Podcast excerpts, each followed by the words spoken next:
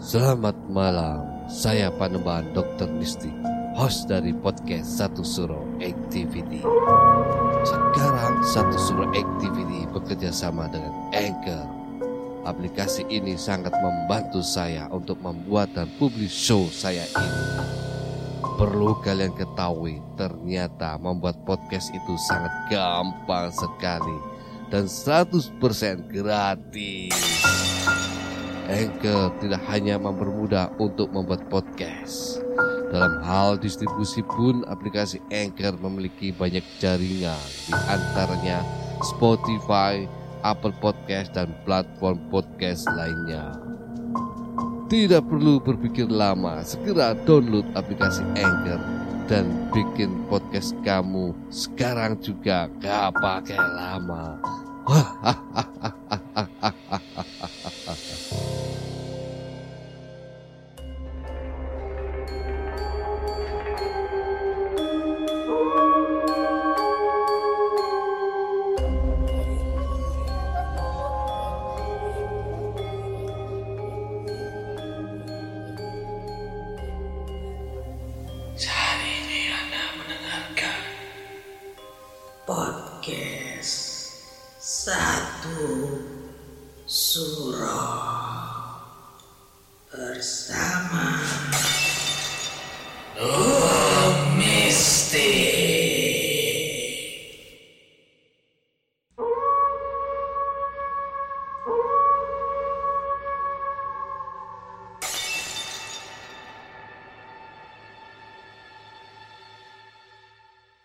Assalamualaikum warahmatullahi wabarakatuh.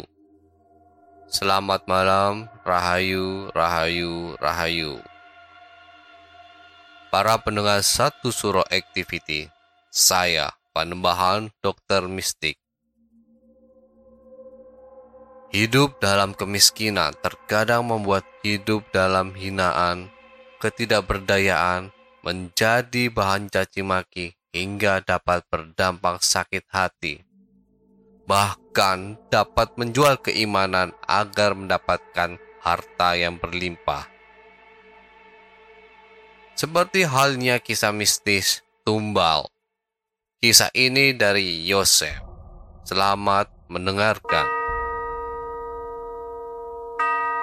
Awal 2015, saya pernah mengantar seorang teman ke selatan Pulau Jawa. 20 jam perjalanan yang saya tempuh sampai lokasi. Bisa dikatakan kondisi jalan berbecek dan tidak bagus. Saya tidak begitu akrab dengannya, tapi dia memang mengenal saya sejak lama. Dia hidupnya sangat melarat, makan pun cuma sekali dalam sehari. Istrinya meninggal karena sakit parah dan dia hidup dengan seorang anak satu-satunya badannya kurus, kurang gizi, dekil pula. Dia sering dihina, dicaci maki, diejek. Cuma perkataan yang menyakitkan yang ia dengar setiap harinya. Ya, dia jauh-jauh datang ke kampung saya hanya mau mencari saya karena menurutnya saya ini supir edan yang urat takutnya sudah pada putus. Saking melaratnya dia, saking terlalu banyaknya sakit hati, sampai dia hilang iman sama akal sehatnya. Sehingga dia mencari kekayaan dengan cara pintas, yaitu pesugihan. Waktu itu saya kerja bawa bis malam, giliran libur dua minggu. Sore hari dia datang bermalam ke rumah saya. Setelah basa-basi dia langsung bicara inti ke saya.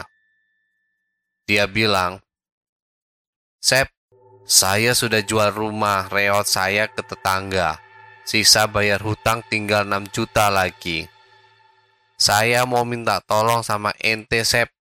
Pokoknya ente mesti tolongin saya. Sekarang ente sewa mobil di sini, tolong ente antar saya ke daerah XX. Ente tahu kan, pokoknya biaya sewa mobil, bensin, makan, rokok, kopi, saya yang tanggung. Duit 6 juta sisanya buat ente semua. Saya sudah banyak sakit hati, Sep. Saya sudah terlalu kenyang, dihina, diejek, dicaci maki sama saudara, sama tetangga, sama semua orang. Saya sudah nggak kuat hidup melarat, miskin, susah segala-galanya. Tolong antar saya sekarang juga ke tempat itu. Saya yakin sama ente Sep. Ente pasti tahu jalannya ke tempat itu. Sebab teman ente sendiri yang bilang, di sini si Yosep yang tahu jalannya ke tempat itu. Ayo Yosep pernah disuruh bawain mobil ke tempat itu. Teman ente yang bilang gitu ke saya. Saya bilang, Hei Said, mau ngapain ente ke sono? Sehari semalam di jalannya, juga terus ke dalamnya, juga jalannya parah angker sama rawan. Kalau mau ke sana kita jangan sampai kemalaman. Kalau kemalaman kita mesti nunggu pagi baru bisa lanjut jalan. Aneh nggak mau ah, terlalu berat resikonya. Aneh masih pengen hidup. Anak-anak aneh masih butuh sama bapaknya. Mending itu duit pakai modal usaha aja sama ente. Dasar koplak lo. Istighfar lo. Dia tetap sama pendiriannya dia sudah pergi berbuat nekat. Dia mohon, mohon ke saya supaya bisa bawain mobil ke tempat itu. Mau nggak mau saya mengantarnya. Jam 8 malam saya mengantarnya ke tempat itu. Saya pinjam mobil Suzuki APV punya tetangga saya. Saya cuma berangkat berdua sama dia.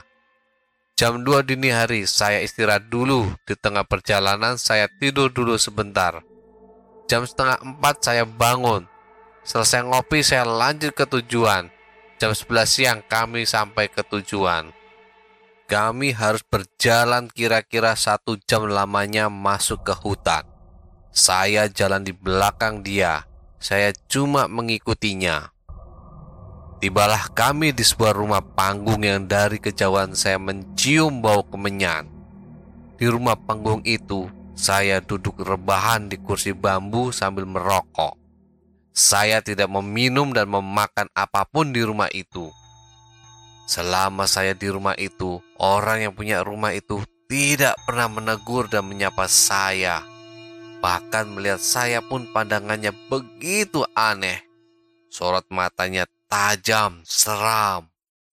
Entah apa yang mereka bicarakan malam harinya. Dimulailah proses ritual saya nggak tahu jam berapa. Entah ada apa dalam diri saya. Entah kenapa mata saya selalu saja melihat hal yang tidak masuk di akal dan di luar nalar. Melihat teman saya makan, saya langsung terasa mual rasanya mau muntah. Saya langsung keluar, saya muntah-muntah. Saya jijik melihat teman saya makan nasi dan lauk pauknya. Apa yang saya lihat saat dia makan? Awalnya saya lihat nasi lontong, tapi pas dibuka oleh dia, lalu yang saya lihat sebenarnya dalam daun pisang itu ulat tanah sebesar betis. Dia begitu lahap memakannya. Saya lihat ikan teri, tapi nyatanya belatung, seperti belatung dari mayat manusia. Saya jijik melihat semua yang dia makan. Saya langsung mau muntah melihatnya.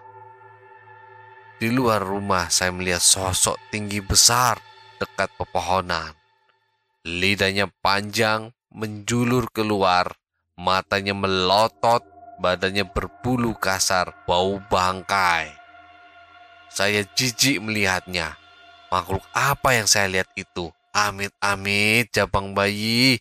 Na'udzubillah min zalik. Selesai dia makan, dia disuruh menyembelih seekor monyet. Saat ia menyembelih monyet, itulah saya menangis melihatnya. Dalam hati saya bergumam, "Ya Allah, di mana hatinya teman saya itu? Ditaruh di mana otaknya? Benar-benar bejat, rusak, haram jadah. Cahanam itu orang haus sama harta kekayaan sampai hati dia menukar imannya demi harta. Dia melihatnya cuma seekor monyet, tapi saya lihat anaknya yang dia sembelih. Dia menjerit, dia meronta meregang nyawa. Ya Allah, ya Robi, batin saya menjerit. Hati saya menangis. Anak kecil yang tidak berdosa harus merenggang nyawa menjadi tumbal demi harta kekayaan. Saya menyesal, saya merasa berdosa karena saya terpaksa harus mengantar dia ke tempat itu. Semalaman telinga saya yang sebelah cuma mendengar suara tangisan dan jeritan, juga rintihan di dalam hutan. Suasana hutan begitu sangat mengerikan. Saya takut, saya khawatir.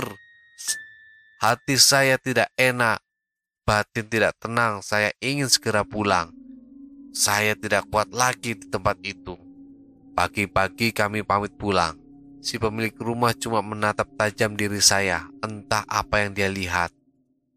Di tengah jalan setelah kami keluar hutan, tiba-tiba saya lihat teman saya itu badannya banyak bulunya. Saya tidak bilang apa-apa sama dia. Saya cukup diam.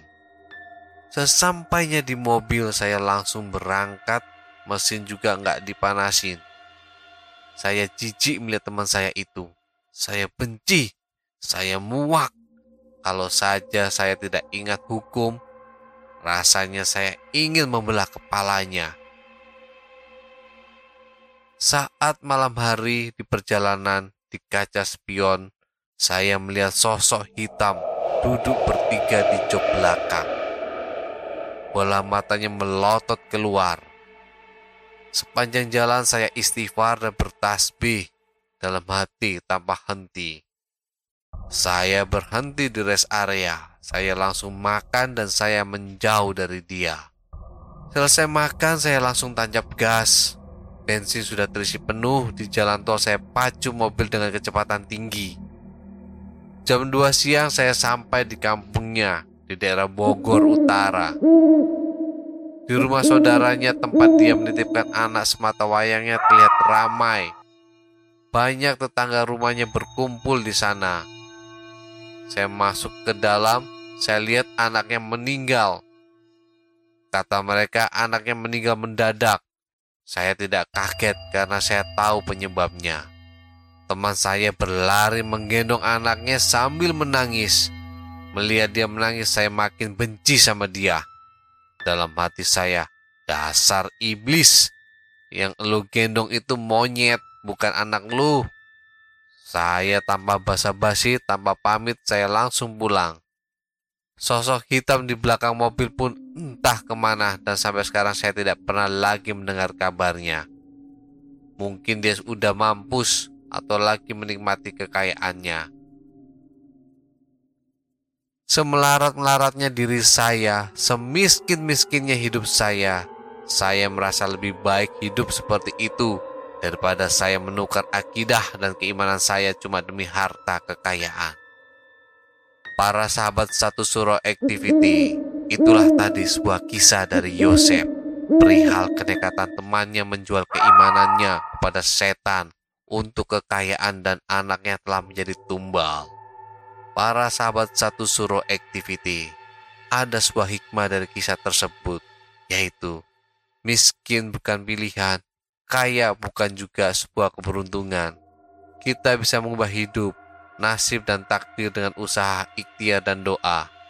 Tuhan tidak akan pernah memberikan hal yang mudah untuk kita. Tuhan senantiasa selalu memberikan hal yang teramat sulit untuk kita agar kita mau berpikir, berusaha dan berdoa memohon kepadanya dalam tawakalnya diri kita. Kita sebagai manusia jangan pernah lelah untuk mohon pertolongan kepada Allah Subhanahu wa taala. Karena agar kita diberikan solusi untuk setiap kesulitan yang kita hadapi. Para sahabat satu surah activity, tinggalkan catatan doa kalian di kolom komentar, like, subscribe, dan bunyikan lonceng keramatnya. Para sahabat satu surah activity, tetaplah iling lan waspodo. Assalamualaikum warahmatullahi wabarakatuh. Salam, salam, salam. Rahayu, rahayu, rahayu.